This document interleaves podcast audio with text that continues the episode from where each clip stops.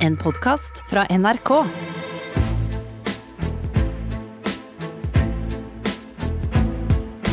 Trump mot verden med Gjermund Eriksen og Sean Henrik Matheson.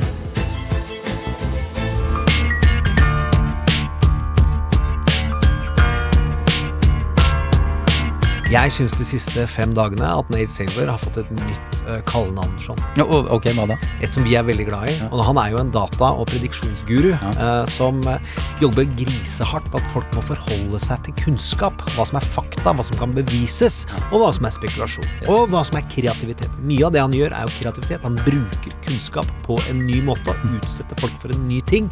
Eh, så vil han at folk skal forholde seg til og respektere det. Og det er talent. Men som er da fakta, kunnskap, datadrevet og kreativitet. Talent. Og han er lei av folk som ikke vil forstå, og folk som vil henge ut folk som prøver å forstå.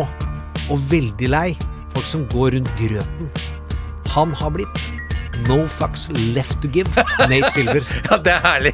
Hør her. Hva han mener om hvordan det omtales at Donald Trump sier at stemmer ikke skal telles, og at han skal erklære seg selv som vinner, og at folk er slappe i å gi det en tydelig melding om hva det er for noe. Hør nå. But the fact that their strategy is to hope the votes don't get counted, basically, and not quite that many words, but almost those words, is like fing insane, right? It's insane in terms of what it means for a democracy. It also means like you can't get some f***ing Trafalgar polls or something that show you're actually ahead and make you think you're going to win legitimately. You have to say, oh, we're going to have to kind of have some strategy for like declaring victory when we haven't actually won anything yet. Like that's crazy.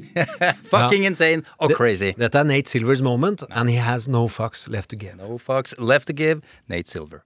Velkommen til Trump mot verden. Jeg heter Sean Henrik Matheson Gjermund Eriksen. Har du hørt stemmen din eh, til allerede, til deg som hører på? Det syns vi er skikkelig hyggelig. Det er tredje november. Antall dager til valget er null. Eh, Det er helt eh, surrealistisk å si, faktisk. Nå ligger jo USA noen timer etter oss, og det kommer til å bli 4. november før vi vet hvordan dette her går, men allikevel, damn! På denne valgdagen, hvor skal vi begynne, Gjermund? Jeg våkna tre i natt. Da begynte meldinger til Silje å tikke inn, ja, har jeg hørt. Ja, ja, det var vondt. Ja. Nei, jeg tenkte at vi skal gå til den politiske dramakarakteren som betyr mest for flest. Altså som rett og slett har vært mest populær. Ja. Det er ikke Eh, gøy og at du Ante bare tar det som en Nei, det, selvfølge. det gjøres målinger. Ja, sant? ja, okay, ja, ja, er du gal. det er størrelsen på det politiske dramaet, og så er det størrelsen på antall tilhengere til den karakteren i det politiske Ja, ok. Det som er på mange måter veldig menneskelig karakter, men han har noe Nate Silversk i seg. Nemlig at han er fag, og er utrolig opptatt av uh, de tingene. Og det er Josh Lyman, han som er deputy chief of staff til presidenten i West Wing. Uh, og serien handler mest om han. Det er det som Sorkin, selv om han bare var med de fire første eh, sesongene Han starter med Josh Lyman. Josh er et Jesus-navn. Eh, og etternavnet er Lyman, som både er ligge, en mann som ligger nede, som du kan identifisere med, men også en løgnemann. Nettopp at han kan, er villig til å gjøre mye for den han jobber for. Så serien starter med han på en benk, at han nesten skal få fyken. Og den slutter med at han Vi skal ikke spoile siste sesong for dere som ikke har sett den, men la oss si at det slutter med han. Hans prosjekt. Å jobbe for noen med fag. Det er det West Wing egentlig handler om, selv om det handler om veldig mange andre. West Wing har dramatisert denne dagen vi er på nå, valgdagen, to store ganger. Og begge gangene så er Josh Lyman involvert, og jeg tenkte at vi skal ta tak i den siste. Og det man ikke tenker på med Aaron Sorkins prosjekt, som folk kaller idealistisk, og da blir man svevende, og de ønsker å oppnå noe på venstresiden, det mest idealistiske, idealistiske, er kunnskap skal vinne. Det at folk skal kunne noe, ha satt seg inn i noe, det er gjennomgående i nær sagt alle hans filmer og serier. Moneyball, om hvordan en baseball-dude klarer å lære seg en ting og vinne. Facebook-filmen The Social Network er en stykke prestasjon som gjør Mark Zuckerberg nesten til en likandes person. er men, som, men hvor han viser kunnskapen hans. Den siste filmen, The Trial of the Chicago Seven, handler om kunnskapsmennesker. Den første, A Few Good Men, handler om hvordan Tom Cruise ikke klarer å la være å risikere alt fordi han veit hvordan han skal gjøre det. Så om igjen og om igjen dramatisere kunnskap, og så er det fraværet av kunnskap som er hovedmotstanderen i vår virkelighet nå. Donald Trump er antifakta. Han vil gi Fauci sparken. Nå er det Bricks også. Og dyktige fagfolk. Det skal ut vindu. Vitenskap skal ut vindu. Det er mye skumlere det enn det vi ser i West Wing. Ja. Der er det en ganske hyggelig Alan Alda som er motstanderen Josh Lyman. Allikevel er grisebekymra for om han skal slå. Som er konstruert etter John McCain, faktisk. Ja, det- det de visste jeg ikke. Nei, det gjør det. Han blir kalt The Maverick også. Ja, det. Uansett. Det er det Josh Lyman føler står på spill. Den gamle republikanismen, den vi trodde var, var Den ærlige, fine greia, liksom. Ja, som går til Irakkrig og Ja, ja, ja. koker opp i Ja, for all del, men det, er var ikke det han gjorde. Det er, men det er i hvert fall en, en legitim eh, politisk eh, Josh Lyman er nemlig Flere ganger så kommer det fram at han er ikke den smarteste, Mm. men han jobber alt han kan. Altså Han blir jo helt på gråten når noen overvurderer hans evner Mm. og sier 'jeg'. Når jeg gikk på advokatskolen på Harvard, så måtte jeg være oppe hele natta, for jeg klarer ikke lære meg det like fort som deg, Sam Seaburn. Mm. Jeg er nødt til å se andres prosesser. Og det her er da valgkampmedarbeiderne til Biden, og kjenner til den følelsen gjennom hvordan Obamas valgkampmedarbeider har beskrevet det. McCain sin valgkampmedarbeider Steve Smith, eller Romneys Stuart Stevens.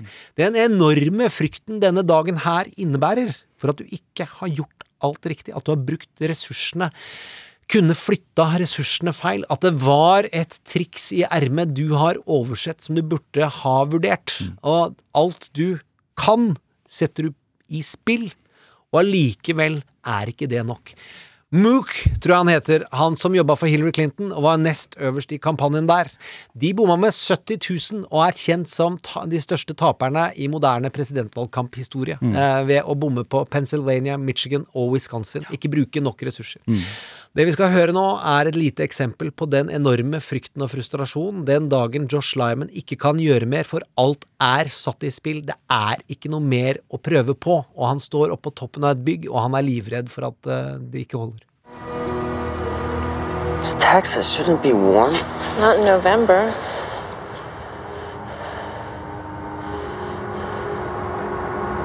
What are you doing out here? I've been appointed. To what? Make sure you're okay. I'm fine. Make sure your head's not actually going to explode. These numbers aren't adding up. They never do. You've been working 18, 20 hour days for the last year. Yeah. It's here. There's nothing to do but let it run its course. There's nothing left to do, Josh. Jeg skal ikke dra parallellen veldig langt, men eh, det er noe med Iron Man i slutten av den siste Avengers-filmen nå. Er det bare å prøve alt du kan, og redde så mye du kan. Og så er det slik at det er over for den som jobber for kandidaten, men kandidaten kan slåss hele veien inn. Og la oss da ta inn energien til den største soldaten, som ikke heter Kamala Harris, altså den tredje i rekka under Biden, og hvordan Barack Obama hopper ut og snakker om 'building back better' i hope and change-stil for uh, å få flest mulig ut på gata. America's a good and decent place. We've just seen so much noise and so much nonsense and distraction. And, and- and we feed, we've, we've seen media companies and, and, and politicians make a business of making us hate each other because it drives clicks and drives eyeballs. And so sometimes it's hard to remember. But I'm asking you to remember what this country can be. And America, it's a better place than it used to be. But it can be better now. But you've got to do the work. It's all up to you now. I'm asking you in your ability to believe in John Ossoff and Reverend Warnock and Joe Biden and Kamala Harris, but most importantly, your collective ability to get us out of these dark times and help us build back better. I'm asking you to believe in your ability to change America. We can't just imagine a better future. We've got to fight for it. If you haven't voted yet, go out and vote. It's not that much to ask. Go out there and vote. Do this basic thing that can make America better. Fy Ja, det er energi. Han uh, går i hope and change mode, og han klarer å løfte de ordene til det. Uh, og så syns jeg at det skal eh, bli veldig spennende i dag. Ja. Eh, sendinga på NRK begynner ni. Ja. Eh, det varer i 26 timer. Ja, det, det er ikke valgdag, det er valgdøgn på NRK. Det er minutt for minutt. Helt ekte. Endelig så sender de noe som ikke er å se på et bål eller en båt. Eller Oh, ok, jeg har lyst til å ta en tur til Washington DC. Blir du med, Gjermund? Ja, Fridtjof Jacobsen. Også known as eh, Biff Malibu i mitt liv. Ja. Eh, men uh, før det Biden har lagd fantastiske reklamefilmer i innspurten. Han lagde Change-reklame forrige fredag, og nå kom The Moment med Eminem, fordi dette er det øyeblikket da alt kan rase, eller alt kan begynne på nytt. You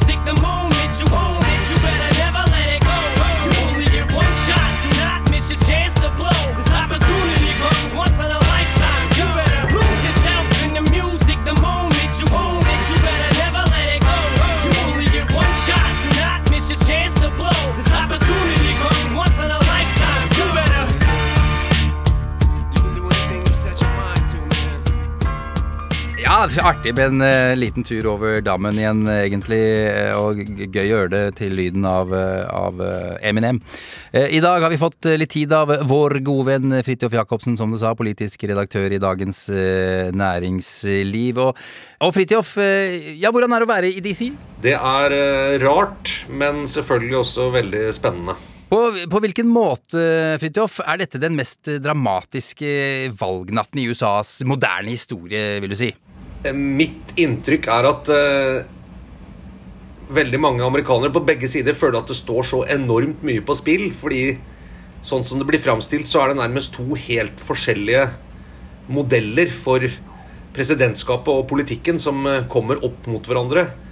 Frontene er eh, nesten karikert skarpe. Altså Trump eh, på sine møter, og Pence hørte jeg også i dag, snakker nærmest som om hvis Biden får makten, så vil eh, USA gå under. Liksom, eh, politiet vil bli lagt ned, og det blir eh, en helt sånn radikal sosialisme i hele USA. Og så har du på den andre siden, selv om Biden er ganske rolig i sin språkbruk, så, så er jo hatet mot eh, Trump og misnøyen med hans uh, måte å styre dette landet på eh, jeg vil si eh, ganske aggressiv eh, og, og dyp eh, på den andre siden. Så det, så det er et valg eh, i et land som er så splittet. I hvert fall er liksom dialogen og, og det ordskiftet og følelsene rundt dette så sterke eh, at det blir betegnet som et veldig veldig avgjørende valg. Og, og noen, En sammenligning jeg så, var at det, det var tilbake til 1860, da Lincoln ble valgt. Og som jo eh, var liksom Rett etter det så ble det jo borgerkrig, og man, hadde to, eh, to liksom veldig ulike samfunnsmodeller mot hverandre. Eh, så er det vel sånn at hvert eneste valg i USA eh, er liksom det mest dramatiske, men, eh, men det er, det er en Det koker godt her, altså. Det må jeg si. Hvis vi sammenligner mediedekningen i 2016 og 2020, eh, hva, hva vil du si, hvordan er det har man lært noe? det er, det er et skille i dekningen her. Altså TV her er jo er jo, vil jeg si, et sånn, litt sånn salig blanding av nyheter og kommentarer og spinn fra henholdsvis liksom CNN og, og MSNBC på den ene siden og Fox på den andre, hvor, hvor hva som er meninger og hva som er nyheter, går litt, eh, går litt i surr. Det er en veldig merkelig TV-dekning sammenlignet med, med norsk TV-dekning av et valg. Eh, Men når det gjelder store avisene og sånn, så, så er det litt mer eh, vanlig nyhetsreporting. Det er eh, eh, Det er i hvert fall ingen som undervurderer Trumps sjanse for å vinne, selv om meningsmålingene mener at den er relativt teoretisk. Så, så er det ingen i, mediene her som har tatt seieren på forskudd, som man kanskje gjorde eh, med Hillary sist. Eh, De tar ganske god høyde for at dette fortsatt er spennende, og de gasser selvfølgelig opp dramatikken også, fordi at eh, ja, de, de går jo etter drama her også, som journalister ofte gjør. Men det eh, Jeg syns det er en Altså, hvis du følger med litt fra alle sider, så får du en ganske god dekning og mye facts. Og det er jo, dekkes jo sekund for sekund, og det, er- det er mye å finne. Også ganske god radiodekning. Jeg har hørt på en del, del av, i det i bilen og sånn. Eh, som også Jeg vil si det er ganske bra. Så du får vite det du skal. Men men det er jo ja, det det er litt rart med dette TV-greiene. Altså hvordan de er så gift med, på en måte, med hver sin kandidat, og hvor mye sånn vinklinger og spinn det er på, på nyhetene fra, fra de store TV-kanalene. Det må jeg si er litt oppsiktsvekkende. Hva har Biden gjort som er bra for å vinne valget, eh, dersom han vinner valget? Og om han taper, hva er den største feilen, bortsett fra å ikke være mer spennende person og yngre i alder? Biden har jo klart å holde seg til planen ved å få dette valget til å bli en folkeavstemning om Donald Trump. Eh, og så har han ikke latt seg lure utpå og inn i et sånt ordskifte som Trump hele tiden prøver å kjøre opp, hvor han begynner å forsvare seg mot en rekke eh, hva si, eh, frekke og friske anklager om at han er dement, at han ikke vet hva klokka er, at han ikke vet hva han heter og hvor han er og sånt til enhver tid. Og heller ikke veldig sånn karikerte ting om, om at han skal legge ned alt av politi osv. Det han gått ut og tilbakevist, hørte jeg senest i dag, var jo det at Trump eh, og Pence også i og for seg kjører jo på og sier at han skal forby sånn fracking, altså utvinning av, av skiferolje, da. Eh, som er viktig industri i, i noen viktige stater, f.eks. Pennsylvania. Da har han sagt i dag at nei, det kommer jeg ikke til å gjøre. Men jeg har sagt at det, det ikke skal liksom skje nye prosjekter på føderalt land. Men jeg skal ikke gjøre det.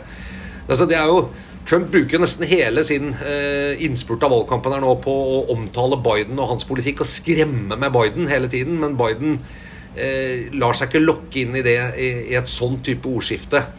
Og det tror jeg er lurt. Eh, I motsetning til Hillary så snakker han mye mindre om Trump og lar på en måte Trump eh, snakke om seg selv.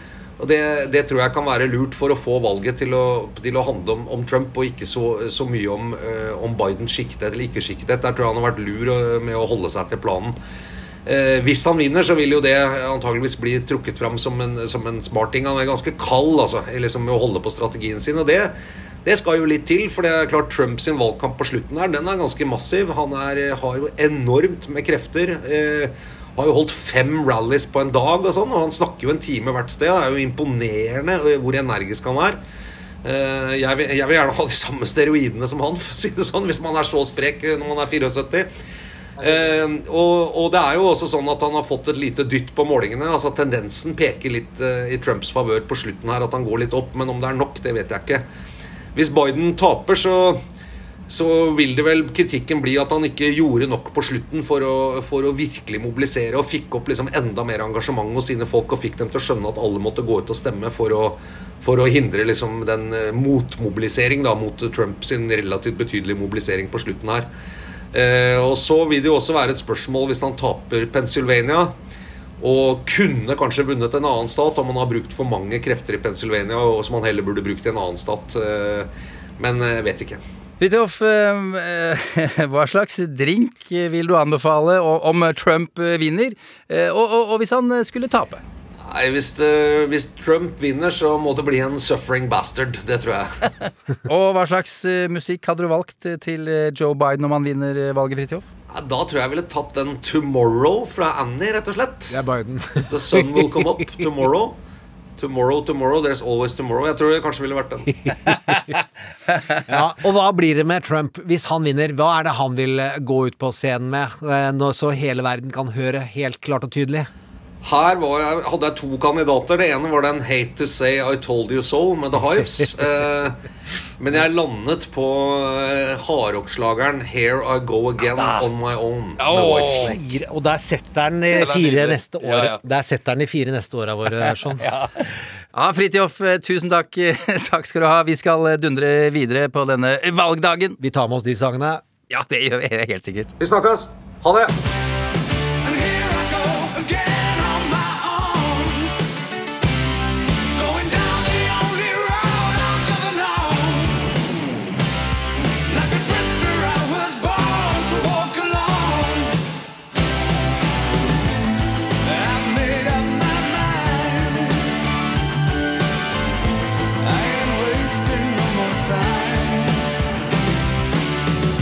Fy satan, den, den, eh, den funker som ei kule. Den sitter som ei kule eh, fortsatt. Velkommen, Sofie Høgestøl. Hei! Eh, Først amanuensis ved Universitetet i Oslo. Og Sofie, dette syns jeg er veldig fint. Du har lyst til å starte med noe som gjør deg glad på denne dagen. Ja, i dag har jeg våknet opp with the smell of democracy in the air! Herregud, så For det er 98 millioner amerikanere som har kommet seg til et stemmelokale eller sendt en brevstemme og stemt i dette valget allerede.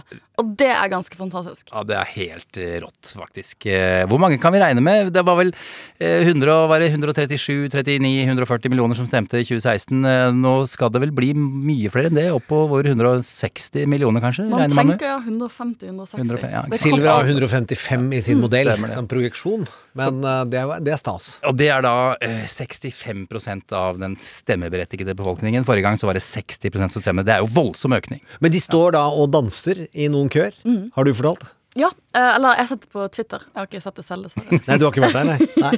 Men, eh, men det er ganske inspirerende. Altså, det, det har jo vært et valg hvor mange tenkte vil folk tørre å gå og stemme pga. pandemien? USA er jo inne i en voldsom smittebølge nå. 90 000 personer blir smittet hver dag, slik som det ser ut nå. Eh, og det at da folk har valgt å stå i kø ti timer gjerne for å avlegge stemme Ja, det er jo helt rått. det, det er Hva er det lengste du har stått i kø for noe som helst, eh, Sean? Hva kan det være? Ja, for jeg klarer altså Jeg tror ikke jeg har gjort det mer enn en time Nei, jeg, jeg, jeg, da gidder jeg ikke. Jeg er ikke sånn, men det er- overrasker meg, for du er jo sånn type som kunne ha lagt deg i køen eh, foran kino når Star Wars skulle ha premiere, eller Ringenes herre eller noe sånt. Nei, da, der er jeg forlatt. Ok, greit. Jeg har stått i kø i flere timer for å få Harry Potter-bok ved midnatt når de pleier å komme ut. Så koselig! Ja, det er koselig. Og der kjente jeg bare generasjonsgapet. Ok, jeg er redd vi skal Ja. Vi må riste av oss eh, det koselige Nei, ikke helt, da, men eh, vi må snakke om litt andre ting her. Og, eh, og, og Sofie, det kanskje et litt vanskelig, om ikke umulig spørsmål hvis vi ser bort ifra covid-19. Eh, hva, hvilke saker mener du har bidratt mest til å avgjøre dette valget, og nå uansett resultat, egentlig? Hva er som er viktige saker der? Jeg tror viktige saker har vært at eh, det kom en ny Fox News poll ut eh, for to dager siden som viser at velgerne syns Joe Biden er troverdig. Et flertall av velgere, og 50 syns at Joe Biden er trustworthy. Hva er viktig her? At det er Fox, eller at det bare er en meningsmål? Nei, det er viktig at det, det tallet jeg tenker sånn, Er det et tall jeg ikke skjønte viktigheten av for, eh, for fire år siden, så var det en sånn lignende meningsmåling som kom ut uh, eh, for fire år siden, som viste at, uh, at når velgerne ble spurt, så mente de at eh, rett og slett at uh, Donald Trump var mer trustworthy enn Hillary Clinton. Og det var et eh, ganske ok gap. Jeg tror Hillary Clinton fikk sånn 38 og, og, og det var mot, eh, mot at det var 42 eller noe sånt, og 46 som mente at eh, at Trump var trustworthy. Og det tenkte jeg sånn, Når vi ser på hva som skjedde i valget sist, så tenker jeg litt det som skjedde, var at folk syntes hun var litt crooked Hillary. Det budskapet traff. Sånn, men så er vi fire år senere. Det budskapet har ikke truffet. Ikke bare det ikke truffet. Joe Biden ligger har med seg over 50% av befolkningen på at han er til å stole på. Og uh, Trump er nede på 37 prosentpoeng. Og dette er Fox News. Jeg, jeg bare legger til grunn det er sant. Det er Fox News, ja. Der- Dermed er det sant. Det må være sant hvis det er Fox News. Et par andre ting, eller har du noe mer på lista di? Ja, altså, altså trustworthiness altså, liksom, Det har ikke funket for Trump å, å, å lage denne konspirasjonen om hva Joe Biden uh, sin sønn har gjort. Så det har ikke funket. Det er en viktig sak. To, hva er det kvinner gjør? For det er snakk om at dette blir det største skjønnsgapet i amerikansk historie velgermessig. Det betyr at forrige gang så vant faktisk Trump et flertall amerikanske menn. Men han vant ikke et flertall av kvinner. Men man tenker nå at skjønnsgapet etter valget her vil være enda større. Så hvis Trump taper i kveld, så er det fordi at amerikanske kvinner har snudd. Og vil ikke ha han. Så what are the ladies doing today? Det er det jeg er mest spent på, kanskje. Jeg, altså, guttene hadde, altså, hadde det vært opp til menn, så hadde nok kanskje Trump blitt president igjen. Gjermund, uh, hva tenker du? Jeg hadde kvinner øverst, jeg òg. Som det som vil uh, antakeligvis avgjøre valget. Uh, og det har det gjort siden 2018. Det er denne bevegelsen av at hvite kvinner med utdannelse har tatt til fornuft, vil jo noen si. Det er familien min. Eh, den andre er lov og orden-maset til Donald Trump. Strategien The Nixon Playbook har ikke funka, som handler om at du skal gjøre folk Men det er spillet på hvordan kvinnene skulle vinnes. Gjøre de redde i forstedene, og så skulle de flokke seg til Donald Trump. Og med det tredje underliggende budskapet i det, nemlig at det lønner seg å så og på- dyrke myten om den farlige, svarte eller fargede mannen. Eh, Som da der- skulle flytte inn i, i forstedene og ikke bare, ja, ja, men altså, så opprør. spiller på er stereotypier som Ja, ja. både Reagan og Clinton også brukte litt, men vi har hatt uh, Raknes var innom og snakka om.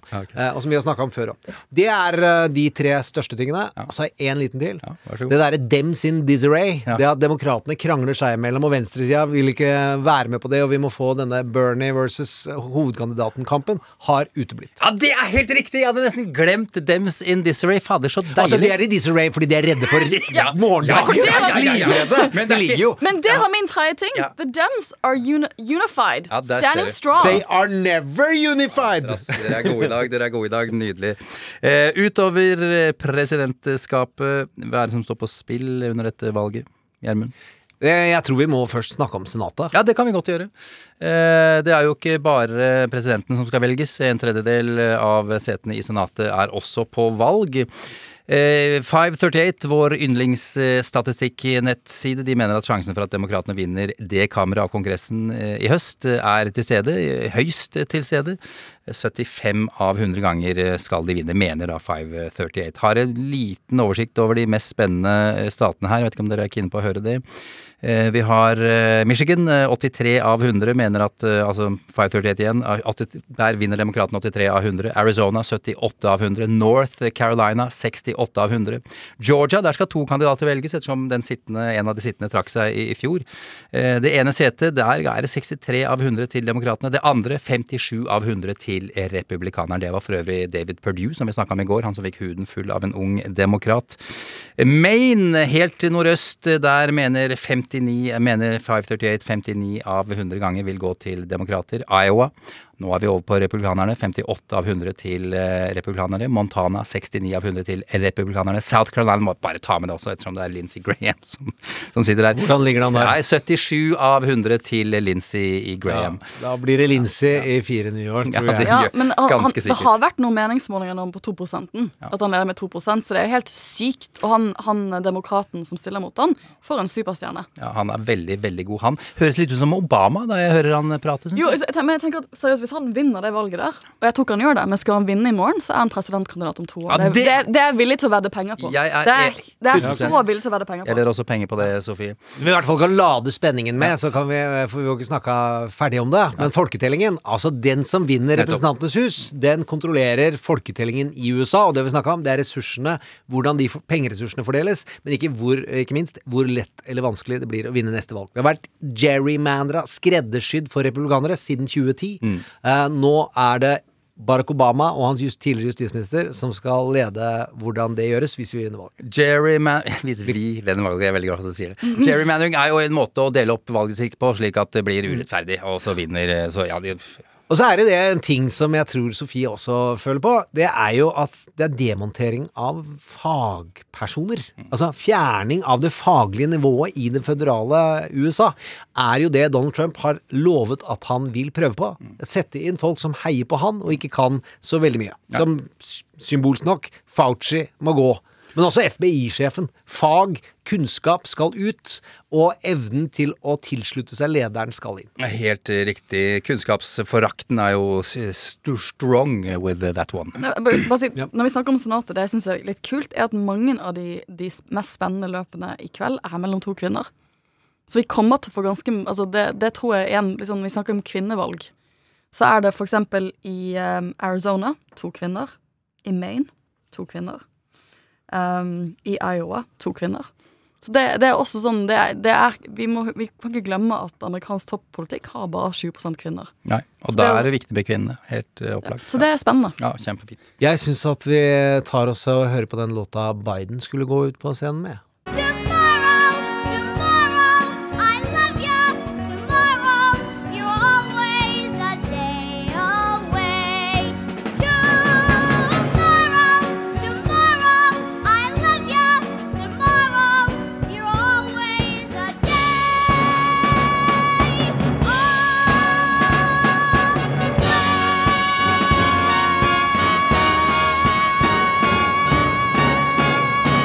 Trump mot verden. Ja, men kjære vene, da. Så koselig vi har det her i dag. Jeg blir fått tårer i øya. Et begrep som brukes i amerikansk politikk, er the ground game. Hva er det for noe? Sofie? The ground game handler rett og slett om det apparatet du har på valgdagen som står på bakken og rett og slett mobiliserer folk. Får folk inn i stemmelokalet, busser de dit i en del byer. Banker på dører, just gets out the vote. Men ground game er også hvor gode da velgerdata har du, hvilke adresser er det du skal få tak i. Eh, og der har det vært noen myter om at Trump-kampanjen er utrolig mye flinkere, og det er noe kjempeskummelt som heter et digitalverktøy, hvor de går og banker på døra og vet hvor du bor og hva du skal spørre om. Det har funnet siden Obamas dager, har begge partiene. Men Trump-kampanjen har reklamert mer for sine enn eh, det uh, Obama-folkene har. men de har hypet det veldig. De har sagt at de har brukt fire år på å brygge opp tidenes ground game. Og det er jo det som er dynamikken i kveld. At hvis Trump skal vinne dette valget, så må han mobilisere noe inn i helvete i dag. Ja, rett og slett. Rett Sier rett slett. ut, ja. Det må komme flere folk enn det gjorde forrige gang, Ja. for han. Og forrige gang så fikk han veldig mange av sine til å møte opp. Eh, og Florida, Florida, Florida blir spennende. Ja, det, det vet vi. Eh, Ok, hvor, eh, hvor Ja, vi som følger med, da. Vi som ser på og skal sitte oppe, sannsynligvis. eh, Hvor bør vi ha fokuset vårt i kveld, Sofie? Oh, Du som kan skal stå og si dette på TV, hva skal ja, du si da? altså, Hvor skal først vi og fremst, jeg er utrolig nervøs for kveldens sending. Ja. det føles som en muntlig eksamen Ja. foran veldig mange mennesker. 9 til 11, altså i 26 timer er det sending, folkens. Ja, det er bare å glede seg. Hva er jeg mest spent på? Jeg er faktisk mest spent på Vi kan begynne med North Carolina. Hvorfor syns jeg North Carolina er viktig? Det er ikke det at Biden leder veldig sterkt, han leder vel på sånn 1-2 prosentpoeng. Men det som jeg tror blir litt viktig i kveld, er hvilken stater som teller opp fort. Og North Carolina har sagt at de Det får vi jo se hva som skjer. Men de har sagt at de skal komme med et ganske tidlig valgresultat. Og hvis, hvis Biden skulle vinne North Carolina, og der har du også et competitive senatløp, så det, alt henger sammen der, ikke sant? Men hvis Joe Biden skulle vinne der, så begynner det å se ekstremt mørkt ut for Trump ganske tidlig. For da begynner hans vei til å få 270 valgmenn å bli nesten ikke altså bli veldig snever. Så jeg tenker North Carolina og Arizona akkurat det samme. Arizona har sagt at de skal komme ut Altså Arizona er den staten som har gjort det eneste jeg mener er riktig. Og det er at de har gjort en lovendring som gjør at de begynte å telle opp forhåndsstemmene sine for to uker siden. Så de kommer rett og slett til å være ferdig opptelt antageligvis med de aller meste av forhåndsstemmer. Og kunne klare å komme ut med de sånn åttetiden amerikansk tid som to om natten norsk tid. da. Og, da, og, og igjen, det er ikke en stat som Joe Biden må vinne. Men hvis han vinner den, da er det dårlige nyheter for Trump. Så det er, det er de to statene i første omgang, og Florida kommer også kanskje et tidlig Okay, så jeg, jeg tenker at de tre statene Igjen, Joe Biden må ikke vinne de, men hvis han begynner å vinne de, da snevrer løpet seg inn for Trump. Eh, Det er eh, Vi har to eh, valgresultat klare allerede, bare så det er sagt. Dixville Notch. Vi er tilbake i West Wing. West Wing. Helt riktig. For de som digger West Wing, så får du tårer i øynene nå, sannsynligvis. En liten bygd i New Hampshire. De er ferdige. Eh, Alle de som stemmer, kan stemme. Det, altså, det er fem stemmeberettigede der. Hvordan gikk det? Alle, alle fem gikk til Biden. Ok, folkens, Denne scenen vurderte vi å snakke om i åpningsstikket i dag. Og det er nemlig at Josh Lyman lo- våkner opp, og det er han har fått med seg på en e-post at hun ene ikke har tenkt å stemme på kandidaten hans. Og da sender han Donna langt pokker i vold om å fly dit, og, nei, om å gå ut og overtale dem. det er og det er ikke kjangs å overtale. Eh, en eh, lite, liten bygd som ikke ligger så veldig langt unna eh, Dixville Notch, eh, Millfield, er også ferdig med, med si, Der er resultatene klare. Der vant Trump med 16 stemmer mot 5, så foreløpig er det likt. Det er faktisk, det, det er faktisk den som Ja, tar i episoden. altså jeg vil jo si at akkurat sånn i stemmetall så leder Trump per i dag Ja, 09.53 folke- norsk tid. En av, få, en av de få tingene som er blåst ut av proporsjoner i West Wing, er overdrivelsen av hvor viktig det resultatet er. Men Josh, som er denne helten som ikke har lyst til å han vil snu enhver sten. Han er så redd for at det setter et narrativ. Altså At det rett og slett fanger eh, folk til å motivere dem til å gå og stemme på den som vinner. Eh, Vi har nevnt eh, North Carolina og Florida som to stater der resultatene muligens kan komme ganske tidlig. Eh, ellers, resten, når kan vi regne med at vi får inn tall, liksom? Knallharde tall? Det er jo det store spørsmålet, og alle sier jo at Pennsylvania, Pennsylvania, Pennsylvania. At dette valget fort koker ned til Pennsylvania. Og hvis de gjør det, folkens, da sliter vi, for da får vi ikke et valgresultat i kveld. Da må vi kanskje vente til fredag, for det at, og det, dette er jo Donald veldig, veldig sur for. Men amerikansk høyesterett har gått med på at, um, at uh, valgmyndighetene i Pennsylvania kan motta stemmer, altså poststemmer, da, som kommer inn tre, inntil tre dager etter valget, så lenge de er poststemplet på valgdagen eller før. Og det betyr at da, da har man ikke et klart resultat til de stemmene har kommet. Eh, og de gjør man ikke selv. Hvis Biden ligger i foran med 5-7 uten at de andre stemmene er telt, så er det fortsatt ikke sånn at Fox News sin uh, decision desk vil uh, erklære dem som vinner. Det, får vi, altså det, Ja. det kommer litt an på marginene. Ja, for det mar Hvis marginene er store, så tror jeg Men- de griper inn og sier da Ja, hvis marginene er store nok. Ja. Uh, men samtidig, man vet jo ikke hvor mange som kommer inn i post som poststemmer. For man vet jo ikke hvor mange som er på vei de tre dagene. Men det, du... folkens, det er 60% sjanse for at vi får et resultat, ifølge Nate, uh, innen i- i morgen tidlig. Og da betyr det at det er stor sjanse for at vi ikke får det. 40% er kjempestor sjanse. Veldig, veldig. Men det er Fox og CNN, så vidt jeg har forstått. AP. AP, Associated Press, som, skal som har dette ansvaret for å, for å utrope en slags vinner til å, til å begynne med. Før det blir helt offisielt, selvfølgelig. Ja, de har det som kalles decision desks. eh, hvor de har ingenting med meningsmålinger å gjøre, men hvor de skal forutse hvordan valget, valgresultatet er, og beslutte nå har vi talt opp nok, nå er det ikke mulighet for at den andre vinner. Som du var inne på, Sofie, Donald har jo vært helt tydelig på at, eh, at han vil at resultatet skal være klart i dag, altså 3. november. Eh, og det kan jo være da at tidlige opptellingsresultater vil gi ham ledelsen, eh, men at den kan forsvinne når påstemmer og forhåndsstemmer begynner å, å tikke inn. Eh, Hvordan tror dere Trump vil forholde seg til dette, Gjermund? Ja, nei, jeg sa jo litt om det i går, så da dere, kan dere sjekke ut den der. Altså, Får jeg høre Sofie, og så kan jeg hoppe etter den? Ja, jeg tenker jo Det er litt morsomt at han vil ha et valgresultat på valgkvelden. For jeg tenker Hvis det er et veldig tydelig valgresultat på valgkvelden, så er det fordi at han har tapt. så you know. Men, men, eh, men eh, det er jo Jeg, jeg tenker at jeg syns det er veldig spesielt at han har, skal ha valgvaken sin i Det hvite hus. Ja, 400 mennesker er invitert. Han avlyste på det store hotellet sitt. Ja, det store fancy, fine hotellet hans midt i DC. Uh, og, og det, det Hva vet vi om grunnene til det? Nei, vi, altså, man spekulerer. Ja, jeg tenker to Jeg- ting. Det ene er jo at det er en sikkerhetsvurdering. Det er et stort flertall, og ikke bare blide mennesker. Dersom han vinner valget og være på det hotellet, så er det ganske ubeskytta. Og de har en god beredskapsplan for hvordan beskytte Det hvite hus for eh, angrep utenfra og fra egne innbyggere. Det andre er jo, hvis du først skal bløffe så er det kulere å gå ut på en veranda i Det hvite hus og si 'jeg erklærer meg som vinner', og dette landet trenger trygghet.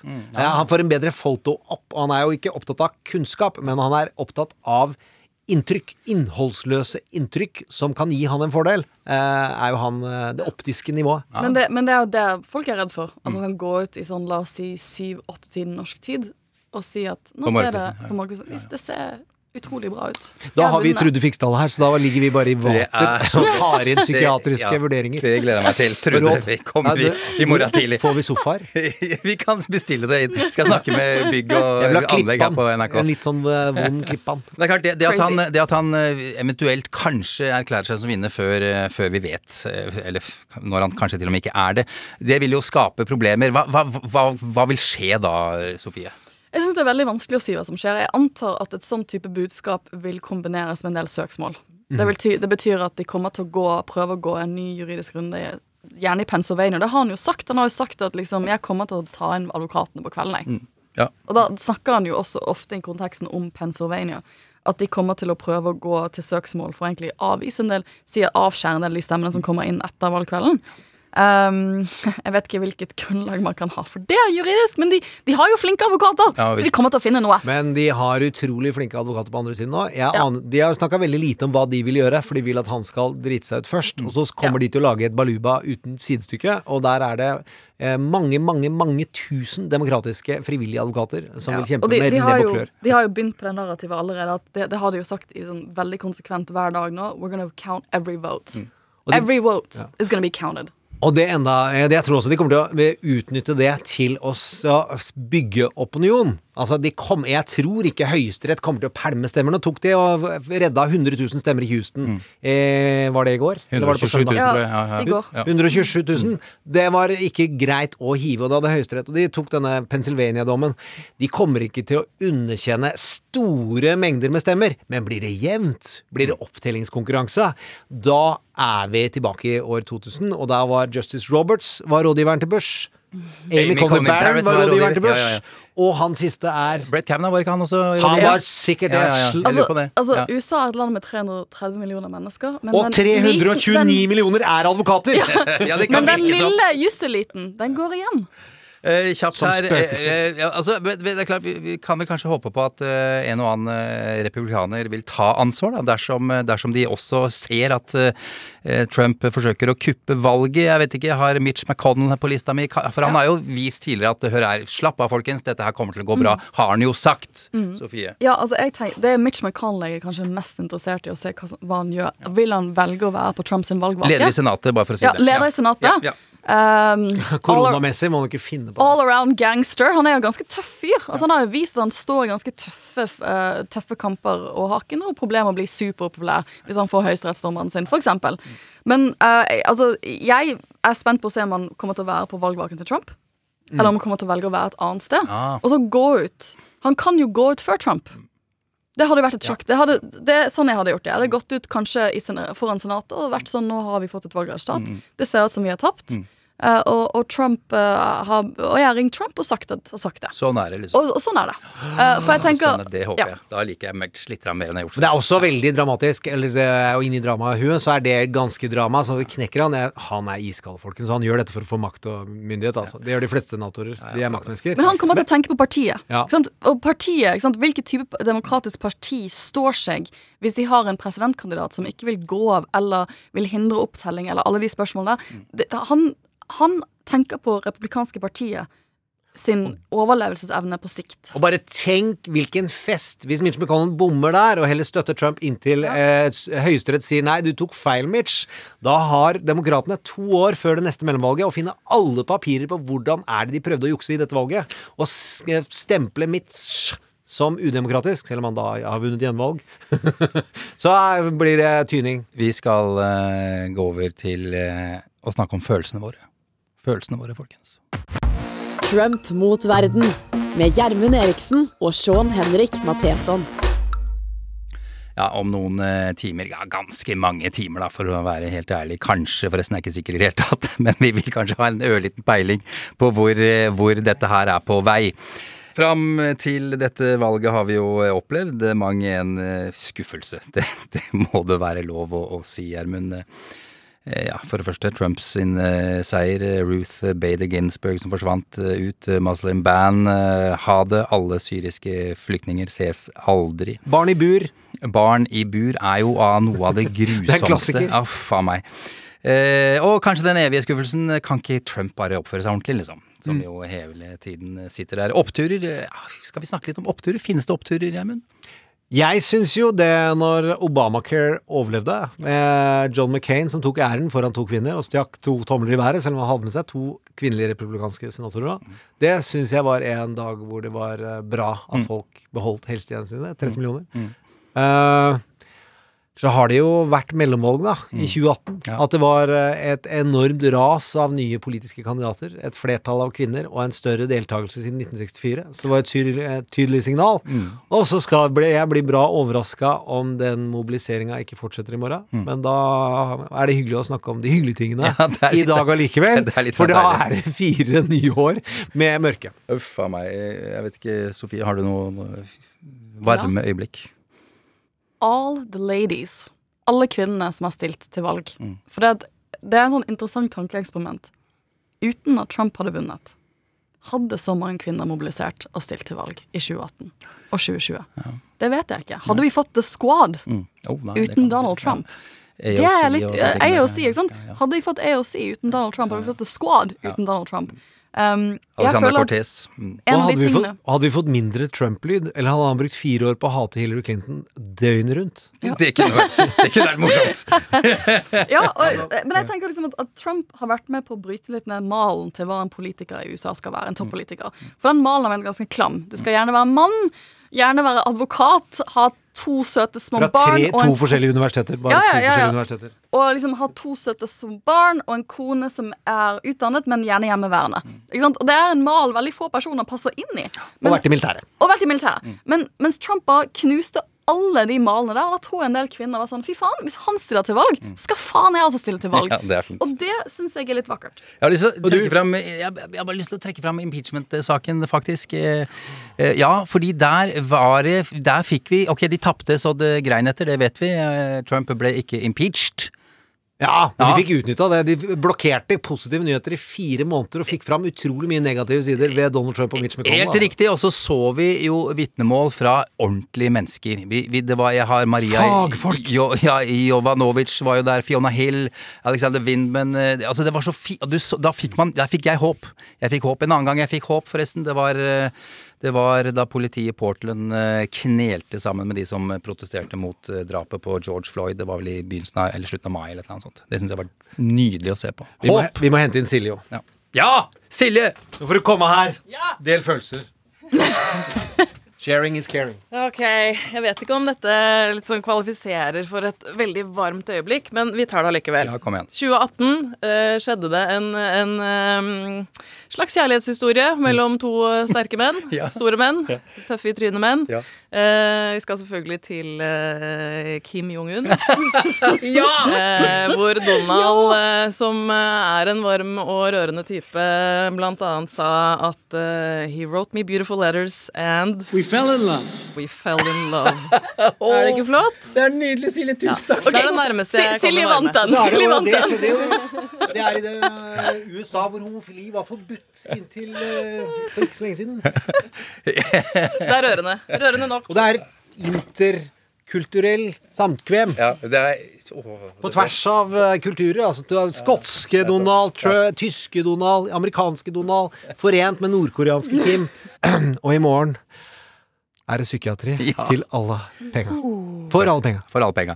Trude Fiksdal, psykiater Trude Fiksdal kommer og skal eh, holde oss i hendene. Jeg vet ikke om det er profesjonelt, men jeg håper hun gjør det likevel. Vi skal avslutte eh, fra fiksjon, eh, Gjermund, og kanskje en av de Er det fiksjon, spør vi oss. Ja, kanskje ikke det er det det. gir Ja. håp, og det føles veldig sterkt. Ja. Og da kan det være sant. Og vi hører her Joe Biden, føler jeg, på en måte.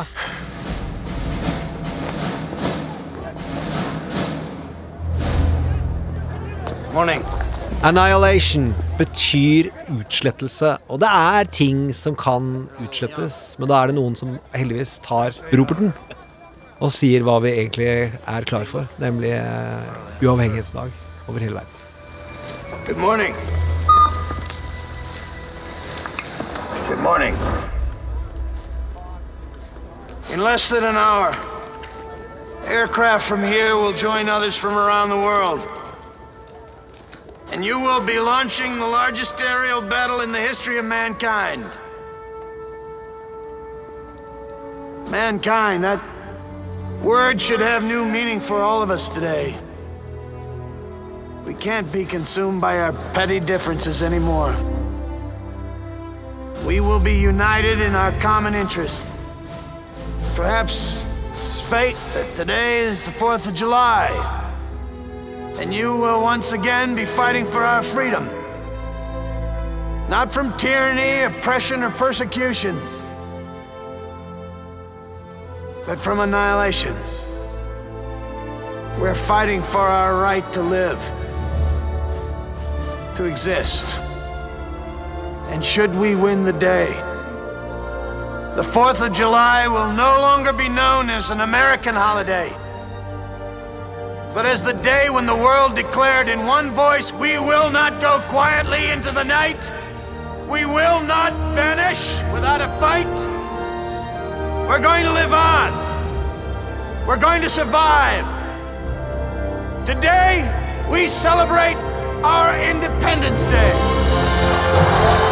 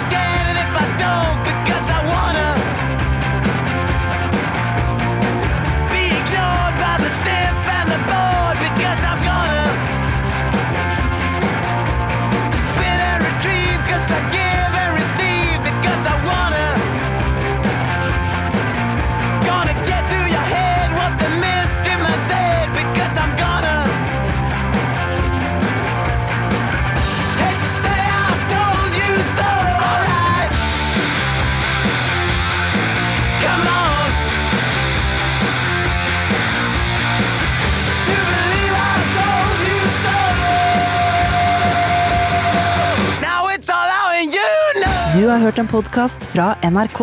Hør flere podkaster og din NRK-kanal i appen NRK Radio. En podkast fra NRK. Hva med en podkast som plukker ut de viktigste nyhetene for deg?